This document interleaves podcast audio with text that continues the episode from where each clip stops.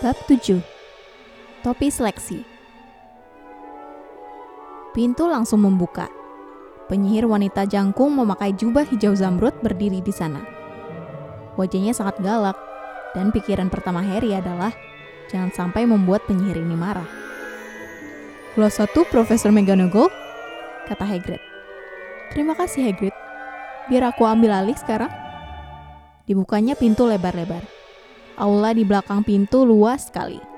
Seluruh rumah keluarga Dursley bisa dipindahkan ke situ. Dinding batunya diterangi obor-obor menyala seperti di Gringotts. Langit-langitnya tinggi sekali sehingga tak bisa dilihat. Dan ada tangga puala megah di depan mereka, menuju lantai atas. Anak-anak mengikuti Profesor McGonagall, melintasi lantai batu kotak-kotak. Harry bisa mendengar dengung ratusan suara dari pintu di kanan. Murid-murid lainnya pastilah sudah di sana. Tetapi Profesor McGonagall membawa murid-murid kelas 1 ke kamar kecil kosong di luar aula. Mereka bergerombol, berdiri lebih berdekatan daripada biasanya, memandang berkeliling dengan cemas. Selamat datang di Hogwarts, kata Profesor McGonagall. Pesta awal tahun ajaran baru akan segera dimulai. Tetapi sebelum kalian duduk di aula besar, kalian akan diseleksi masuk rumah asrama mana. Seleksi ini upacara yang sangat penting, karena selama kalian berada di sini, asrama kalian akan menjadi semacam keluarga bagi kalian di Hogwarts. Kalian akan belajar dalam satu kelas dengan teman-teman seasrama kalian, tidur di asrama kalian, dan melewatkan waktu luang di ruang rekreasi asrama kalian. Ada empat asrama di sini, Gryffindor, Hufflepuff, Ravenclaw, dan Slytherin. Masing-masing asrama punya sejarah luhur dan masing-masing telah menghasilkan penyihir hebat. Selama kalian di Hogwarts, prestasi dan kemenangan kalian akan menambah angka bagi asrama kalian. Sementara pelanggaran peraturan akan membuat angka asrama kalian dikurangi. Pada akhir tahun, asrama yang berhasil mengumpulkan angka paling banyak akan dianugerahi piala asrama, suatu kehormatan besar. Kuharap kalian semua akan membawa kebanggaan bagi asrama mana pun yang kalian tempati. Upacara seleksi akan berlangsung beberapa menit lagi di hadapan seluruh penghuni sekolah. Kusarankan kalian merapikan diri sebisa mungkin selama menunggu. Matanya sejenak menatap jubah Neville yang dikancingkan di bawah telinga kiri, dan hidung Ron yang ada kotoran hitamnya. Harry dengan gelisah mencoba meratakan rambutnya. Aku akan kembali kalau kami sudah siap menerima kalian, kata Profesor McGonagall. Tunggu di sini dan jangan ribut. Dia meninggalkan ruangan. Harry menelan ludah. Bagaimana cara mereka menyeleksi kita masuk asrama? Tanyanya kepada Ron. Dengan semacam tes kurasa, kata Fred prosesnya menyakitkan sekali. Tetapi kurasa dia cuma bergurau. Hati Harry mencelos. Tes? Di depan seluruh sekolah. Tetapi dia sama sekali tak tahu apa-apa tentang sihir. Apa yang harus dilakukannya? Dia tidak menyangka akan ada tes begitu mereka sampai. Dia memandang berkeliling dengan cemas dan melihat bahwa anak-anak lain juga sama takutnya. Tak ada yang banyak bicara kecuali Hermione Granger, yang dalam bisikan mengucapkan dengan cepat semua mantra yang telah dipelajarinya, dan bertanya-tanya sendiri mantra mana yang akan diperlukannya. Harry berusaha keras untuk tidak mendengarkannya. Belum pernah dia secemas ini. Belum pernah. Bahkan ketika dia harus membawa laporan dari sekolah kepada keluarga Dursley bahwa entah bagaimana dia telah mengubah wig gurunya menjadi biru. Dia tidak secemas ini. Matanya diarahkannya ke pintu. Setiap saat, Profesor McGonagall bisa kembali dan membawanya menyongsong malapetaka. Kemudian sesuatu terjadi yang membuatnya terlonjak sekitar 30 cm ke atas. Beberapa anak di belakangnya menjerit. Ada apa? Harry termangu. Begitu juga anak-anak di sekitarnya. Kira-kira 20 hantu baru saja masuk menembus dinding belakang. Putih berkilau bagai mutiara dan agak transparan. Mereka melayang di ruangan, sibuk mengobrol dan nyaris tidak memedulikan murid-murid kelas 1. Kelihatannya mereka bertengkar. Hantu yang kelihatannya seperti rahib kecil gemuk berkata, Maafkan dan lupakan. Menurutku, kita harus memberinya kesempatan kedua. Rahibku sayang, bukankah kita sudah memberikan Piv semua kesempatan yang layak diterimanya? Dia membuat kita semua mendapatkan nama buruk. Dan kau tahu, dia bahkan bukan hantu betulan. Eh, ngapain kalian semua di sini? Hantu yang memakai kerah rimpel dan celana ketat tiba-tiba menyadari ada murid-murid kelas 1. Tak ada yang menjawab. Murid-murid baru, kata si rahib gemuk, memandang berkeliling sambil tersenyum.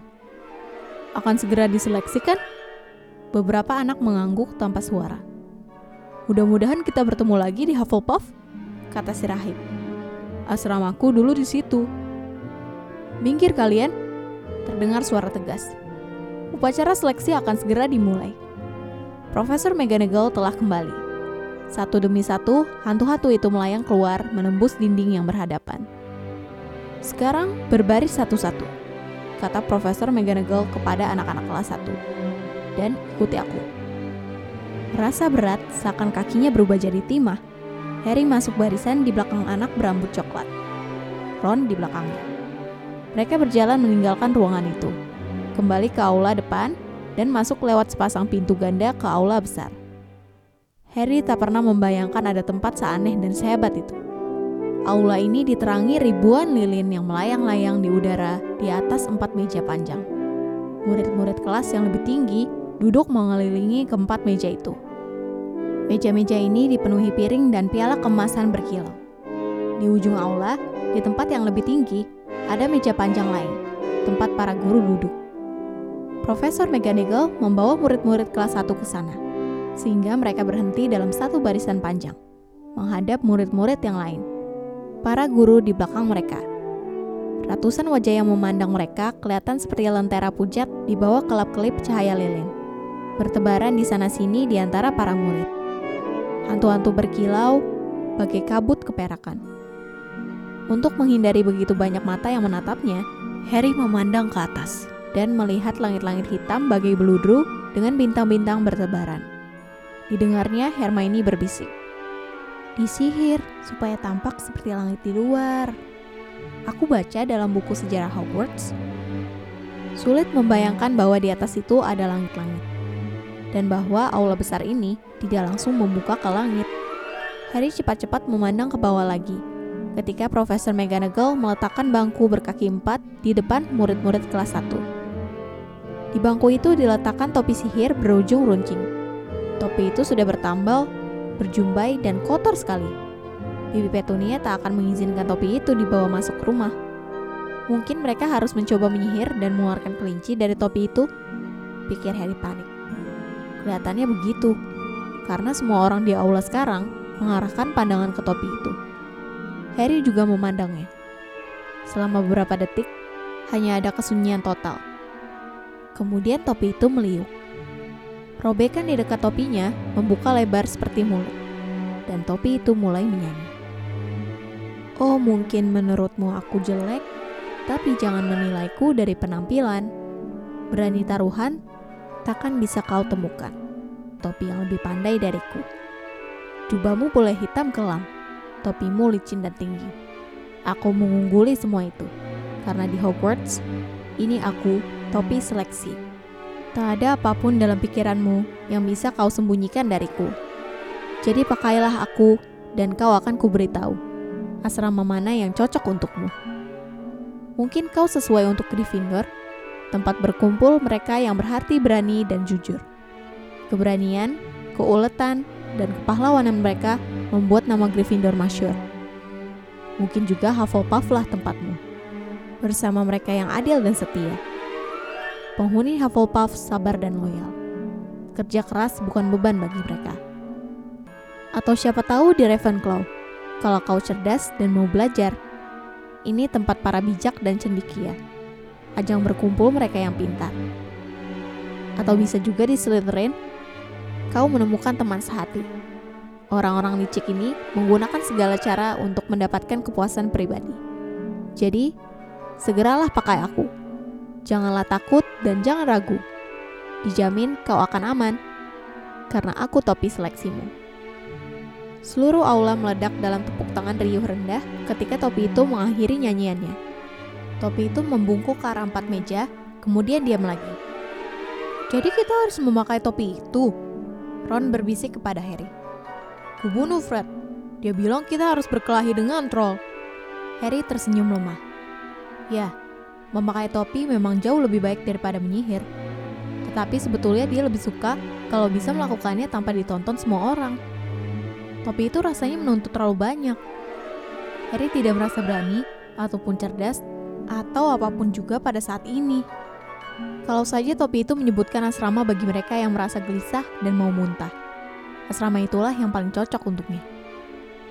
Profesor McGonagall maju memegangi gulungan perkamen panjang. Yang disebut namanya harap maju dan memakai topi. Lalu duduk di bangku untuk diseleksi. Katanya, Abbott Hannah. Anak perempuan berwajah merah dengan rambut pirang di buntut kuda keluar dari barisan. Memakai topi yang langsung melorot menutupi matanya. Dan duduk.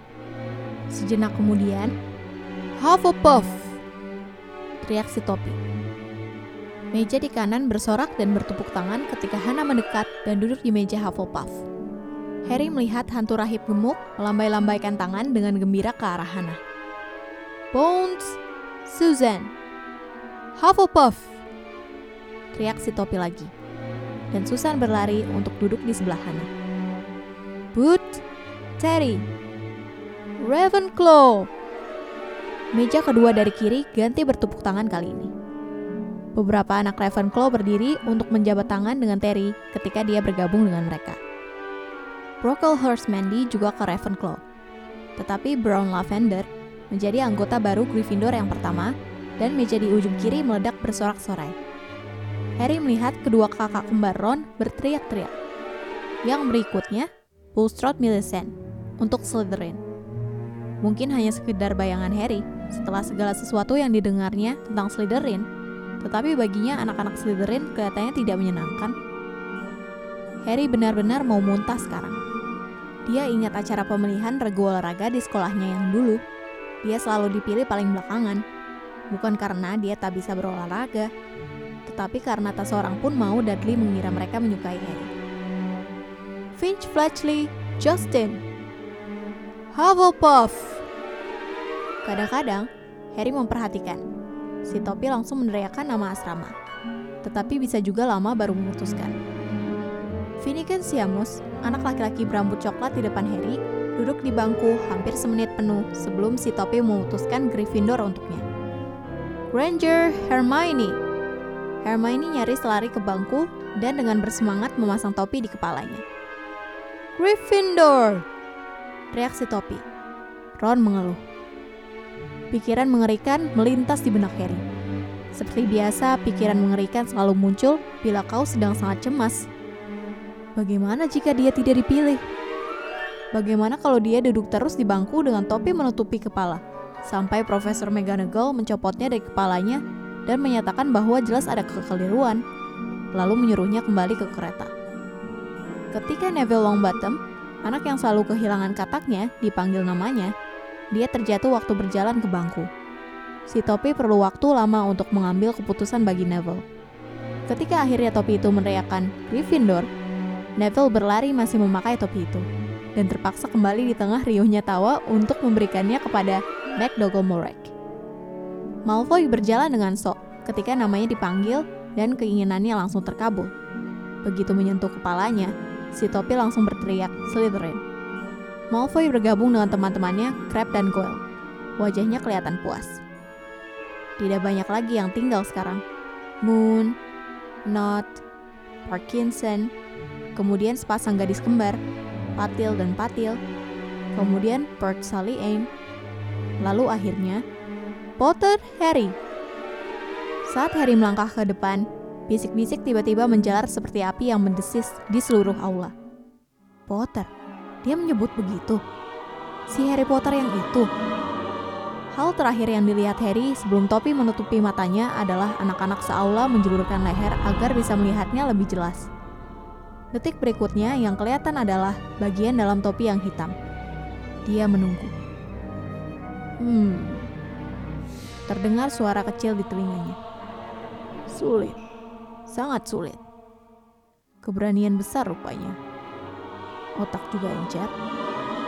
Ada bakat. Oh, astaga, ya. Dan kehausan untuk membuktikan diri. Ah, itu menarik. Jadi, sebaiknya di mana kau ku tempatkan? Harry mencengkeram tepi bangku dan membatin. Jangan seliderin, jangan seliderin. Jangan seliderin ya, kata suara kecil itu. Kau yakin? Kau bisa jadi penyihir hebat loh. Semuanya ada di kepalamu. Dan Slytherin bisa membantumu mencapai kemasyuran. Tak diragukan lagi. Tidak? Ya, kalau kau yakin. Lebih baik Gryffindor. Harry mendengar si topi meneriakkan kata terakhir itu ke aula. Dia mencopot topinya dan berjalan dengan gemetar menuju meja Gryffindor. Dia lega sekali sudah dipilih dan tidak ditempatkan di Slytherin, sehingga dia nyaris tidak memperhatikan bahwa dia mendapatkan sambutan yang paling meriah. Percy si prefect bangkit dan menjabat tangannya dengan penuh semangat, sementara si kembar Weasley memekik. Kami dapat Potter! Kami dapat Potter! Harry duduk berhadapan dengan hantu berkerah rimpel yang sebelumnya dilihatnya. Si hantu mengelus lengannya, membuat Harry merasa mendadak dicemplungkan ke dalam seember air es. Harry bisa melihat meja tinggi dengan jelas sekarang. Di ujung yang paling dekat, duduk Hagrid yang bertatap mata dengannya dan mengacungkan kedua ibu jari. Harry membalas tersenyum. Dan di tengah meja tinggi itu, di kursi besar emas, duduklah Albus Dumbledore. Harry langsung mengenalinya dari kartu yang didapatnya dari coklat kodok di kereta api tadi. Rambut keperakan Dumbledore adalah satu-satunya di dalam aula yang berkilau sama terangnya dengan para hantu. Harry melihat Profesor Quirrell juga, si laki-laki muda gugup yang ditemuinya di Leaky Cauldron. Profesor Quirrell kelihatannya aneh sekali dengan memakai serban besar ungu. Sekarang tinggal tiga anak lagi untuk diseleksi. Thomas Dean, anak laki-laki berkulit hitam dan lebih tinggi dari Ron, bergabung dengan Harry di meja Gryffindor. Turpin Lisa menjadi anggota Ravenclaw. Kemudian tibalah giliran Ron. Ron pucat pasi sekarang. Harry menyilangkan jari di bawah meja, mengharap keberuntungan. Dan sedetik kemudian, si topi berteriak, Gryffindor! Harry bertepuk keras bersama yang lain, sementara Ron terenyak duduk di kursi di sebelahnya. Bagus sekali Ron, hebat, kata Percy Weasley bangga. Sementara Zabini Blaze dinyatakan masuk Slytherin. Profesor McGonagall menggulung perkamen dan mengambil kembali si topi seleksi. Harry menatap piring emasnya yang kosong. Dia baru sadar betapa laparnya dia. Pastel labu tadi serasa sudah sahabat lamanya. Albus Dumbledore berdiri. Dia tersenyum kepada anak-anak. Lengannya terbuka lebar-lebar. Seakan tak ada yang lebih membuatnya senang daripada melihat mereka semua ada di sana. Selamat datang, katanya. Selamat datang untuk mengikuti tahun ajaran baru di Hogwarts. Sebelum kita mulai acara makan kita, aku ingin menyampaikan beberapa patah kata. Inilah dia. Dungu, gendut, aneh, jewer. Terima kasih. Dia duduk kembali. Semua anak bertepuk tangan dan bersorak. Harry tak tahu apakah dia harus tertawa atau tidak. Apa dia agak sinting? Tanyanya ragu-ragu kepada Percy. Sinting, kata Percy dibuat-buat. Dia jenius, penyihir paling hebat di dunia. Tapi dia memang agak sinting ya. Kentang Harry. Mulut Harry ternganga. Piring-piring di depannya sekarang penuh berisi makanan. Belum pernah dia melihat begitu banyak makanan yang ingin dimakannya terhidang di satu meja.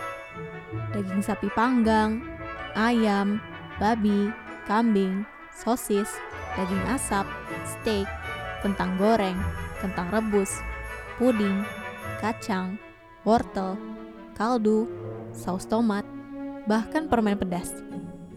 Keluarga Dursley memang tidak membuat Harry kelaparan, tetapi dia tidak pernah diizinkan makan sebanyak yang dia inginkan. Dudley selalu mengambil apa saja yang diinginkan Harry, meskipun itu membuatnya sakit perut kekenyangan. Harry mengisi piringnya dengan semua makanan sedikit-sedikit, kecuali permen pedas, lalu mulai makan. Semuanya enak. Kelihatannya enak, kata hantu berkerah rimpel dengan sedih, memandang Harry mengiris steak. Tak bisakah kau? Aku sudah tidak makan selama hampir 400 tahun, kata si hantu. Tidak perlu sih memang, tapi kadang-kadang kepingin juga. Kurasa aku belum memperkenalkan diri. Sir Nicholas the Mimsy Porpington, siap melayani Anda. hantu menara Gryffindor. Aku tahu siapa kau, kata Ron tiba-tiba. Kakak-kakakku bercerita tentang kau. Kau Nixie kepala nyaris putus. Aku lebih suka kalian memanggilku Sir Nicholas the Mimsy, kata si hantu kaku. Tetapi si Amos Finnegan, si rambut coklat menyela. Kepalanya nyaris putus. Bagaimana kau bisa disebut kepalanya nyaris putus? Sir Nicholas tampak jengkel sekali. Seakan obrolan kecil mereka tidak berlangsung seperti yang diharapkannya. Begini, katanya sebal. Dia memegang telinga kirinya, lalu menariknya. Seluruh kepalanya terlepas dari leher dan jatuh ke bahu, seakan tergantung pada engsel.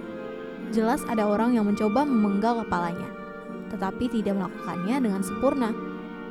Puas melihat kekagetan mereka, Nixie kepala nyaris putus mengembalikan kepala ke lehernya berdeham, dan berkata, Jadi, anggota baru Gryffindor, kuharap kalian akan membantu kami memenangkan kejuaraan antar asrama tahun ini. Belum pernah Gryffindor tidak menang sampai selama ini. Slytherin mendapatkan piala selama enam tahun berturut-turut.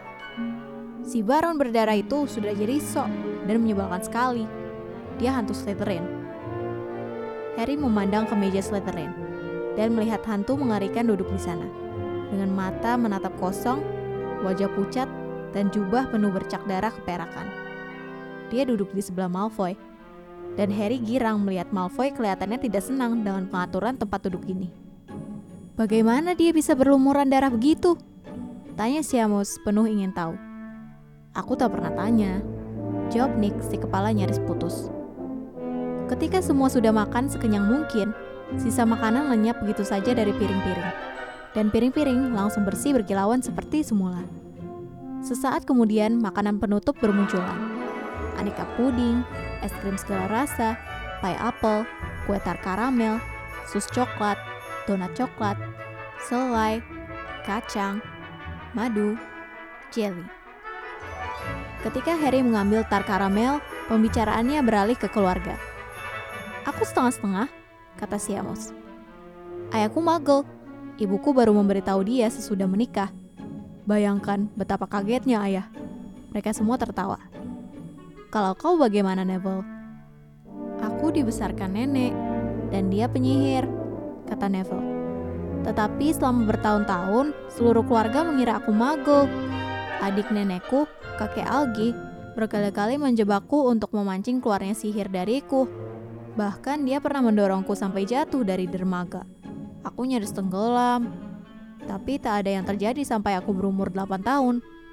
Kakek Algi datang untuk minum teh bersama kami, dan dia memegangiku terbalik pada pergelangan kakiku dari jendela loteng ketika adiknya, Nenek Enid, menawari kue manis. Dan tak sengaja, dia melepas pegangannya. Tetapi aku selamat, melambung begitu saja di kebun, lalu ke jalan. Mereka senang sekali. Nenek sampai menangis saking senangnya dan kalian seharusnya melihat wajah mereka waktu aku masuk. Soalnya mereka tidak mengira aku punya kekuatan sihir untuk bisa masuk lagi. Kakek Algi puas sekali, sehingga dia membelikan aku katak itu. Di sisi lain Harry, Percy Weasley, dan Hermione membicarakan pelajaran. Kuharap mereka langsung memulai pelajaran. Banyak sekali yang harus dipelajari. Aku terutama tertarik pada transfigurasi. Tahu kan? mengubah sesuatu menjadi sesuatu yang lain. Tentu saja ini sulit sekali. Mulainya kecil-kecil dulu, korek api jadi jarum dan semacamnya.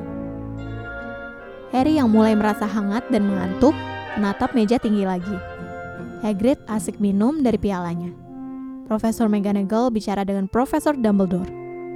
Profesor Quirrell dengan serbannya yang ajaib bicara dengan guru berambut hitam berminyak, dengan hidung bengkok dan kulit pucat. Kejadiannya tiba-tiba sekali. Si guru berhidung bengkok memandang melewati serban Quirrell langsung ke mata Harry. Dan rasa sakit yang perih dan panas menerpa bekas luka di dahi Harry. Aduh! Harry menempelkan tangan di dahi. Ada apa? Tanya Percy. Tidak ada apa-apa. Rasa sakit itu lenyap sama cepatnya dengan datangnya. Yang lebih sulit dihilangkan adalah perasaan yang didapat Harry dari pandangan guru tadi. Perasaan bahwa dia sama sekali tidak menyukai Harry. Siapakah guru yang sedang bicara dengan Profesor Quirrell? Harry bertanya kepada Percy. Oh, kau sudah kenal Quirrell ya? Tidak heran dia kelihatan begitu gelisah. Itu Profesor Snape. Dia mengajar ramuan, tetapi sebetulnya tidak mau. Semua orang tahu dia menginginkan jabatan Quirrell. Si Snape itu tahu banyak tentang sihir hitam. Selama beberapa waktu, Harry mengawasi Snape, tetapi Snape tidak memandangnya lagi. Akhirnya makanan penutup juga lenyap, dan Profesor Dumbledore berdiri lagi. Aula langsung senyap. Cuma beberapa patah kata lagi setelah kita kenyang makan dan minum. Ada beberapa pengumuman awal tahun ajaran yang akan kusampaikan. Murid-murid kelas 1 harus tahu bahwa hutan di sekeliling halaman itu terlarang untuk dimasuki siapa saja. Dan beberapa murid kelas lebih tinggi sebaiknya juga ingat ini. Mata Dumbledore yang bersinar terarah kepada si kembar Weasley. Aku juga diminta oleh Mr. Filch, penjaga sekolah, untuk mengingatkan kalian semua bahwa sihir tak boleh digunakan pada saat pergantian kelas di koridor-koridor. Pemilihan pemain Quidditch akan diadakan pada minggu kedua semester ini. Siapa saja yang berminat bermain untuk tim asramanya silakan menghubungi Madam Hooch. Dan yang terakhir, aku harus menyampaikan kepada kalian bahwa tahun ini Koridor lantai tiga sebelah kanan sebaiknya dihindari oleh mereka yang tak ingin mati penuh penderitaan. Harry tertawa, tetapi dia hanya salah satu dari sedikit yang tertawa. Dia tidak serius kan? Dia bergumam kepada Percy. Serius, kata Percy. Seraya mengurutkan kening memandang Dumbledore. Aneh, karena biasanya dia memberi kita alasan kenapa kita tidak boleh masuk ke tempat tertentu. Hutan itu penuh binatang berbahaya, semua tahu itu. Menurut aku, paling tidak seharusnya dia memberitahu para prefect. Dan sekarang, sebelum kita tidur, marilah menyanyikan lagu sekolah kita. Seru Dumbledore. Harry memperhatikan bahwa guru-guru lain semua tersenyum. Dumbledore menjentik tongkat, seakan berusaha mengusir lalat dari ujungnya. Dan selai pita emas panjang melayar keluar dari tongkat itu. Terbang tinggi di atas meja-meja. Lalu meliuk-liuk membentuk kata-kata.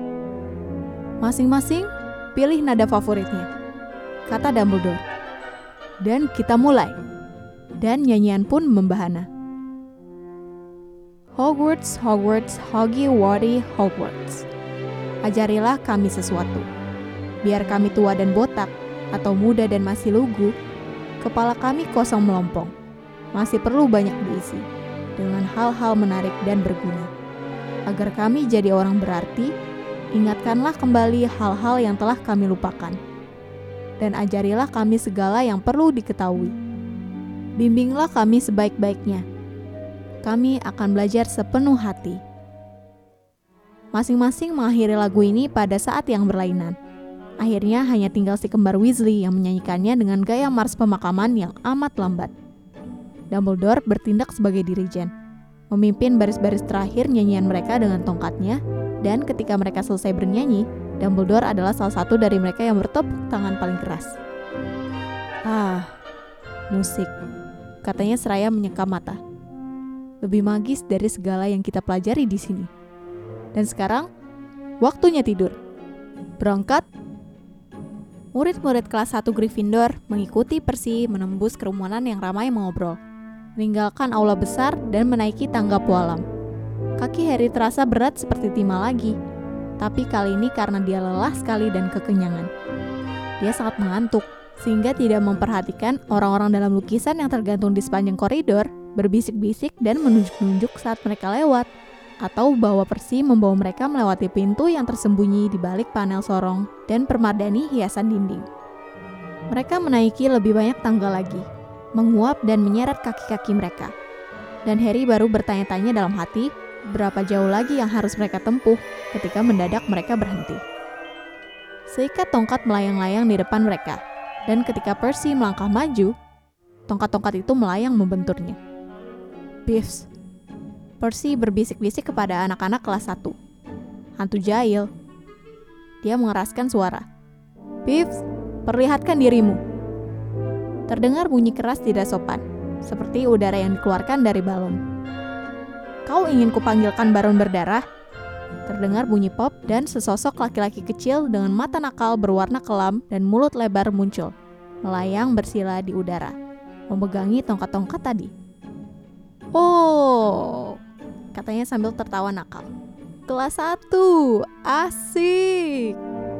Mendadak dia menyambar ke arah mereka. Anak-anak menunduk. Kau, Pips. Kalau tidak, si Baron akan dengar tentang semua ini. Betul, bentak Percy. Pips menjulurkan lidah dan menghilang. Menjatuhkan tongkat-tongkat itu ke kepala Neville. Mereka mendengarnya meluncur pergi, menyenggol baju-baju zirah sampai berkelontangan. Kalian harus berhati-hati terhadap Pips, kata Percy, ketika mereka melanjutkan perjalanan lagi. Si Baron berdarahlah satu-satunya yang bisa mengontrolnya. Dia bahkan tak mau mendengarkan kami, para prefect. Nah, kita sampai. Di ujung koridor tergantung lukisan wanita amat gemuk memakai gaun merah jambu. Kata kunci, katanya. Kaput Draconis. Jawab Percy. Dan lukisan itu mengayun ke depan. Ternyata di dinding di belakangnya ada lubang. Mereka semua masuk melewati lubang itu. Neville perlu didorong. Dan tiba-tiba sudah berada di ruang rekreasi Gryffindor. Ruang bundar nyaman penuh sofa empuk. Percy menyuruh anak-anak perempuan lewati satu pintu menuju kamar tidur mereka. Dan anak laki-laki lewat pintu yang lain. Di puncak tangga melingkar, jelas mereka berada di salah satu menara. Akhirnya, mereka menemukan tempat tidur mereka. Lima tempat tidur besar dengan kelambu bludur merah tua. Koper-koper mereka sudah dibawa naik. Makanannya enak sekali ya. Gumam Ron kepada Harry dari balik kelambu. Minggir Scabbers! Dia menggerigiti spriteku. Harry mau bertanya kepada Ron kalau-kalau dia tadi makan kue tar karamel, tetapi keburu tertidur. Mungkin Harry makan agak terlalu banyak, karena dia bermimpi aneh sekali. Dia memakai serban Profesor Quirrell yang terus berbicara kepadanya, menyuruhnya segera pindah ke Slytherin, karena sudah takdir ya begitu. Harry berkata kepada si serban, dia tidak mau pindah ke Slytherin. Serban itu makin lama menjadi makin berat. Dicobanya menariknya, tetapi si serban melilitnya semakin ketat sampai kepalanya sakit. Dan ada Malfoy, menertawakannya sementara dia berkutat dengan si serban. Kemudian, Malfoy berubah menjadi si guru berhidung bengkok, Snape, yang tawanya melengking dan dingin. Ada buncahan cahaya hijau, dan Harry terbangun, berkeringat dan gemetar. Dia membalikkan tubuh dan langsung tertidur lagi. Dan ketika terbangun keesokan paginya, dia sama sekali tak ingat lagi mimpinya.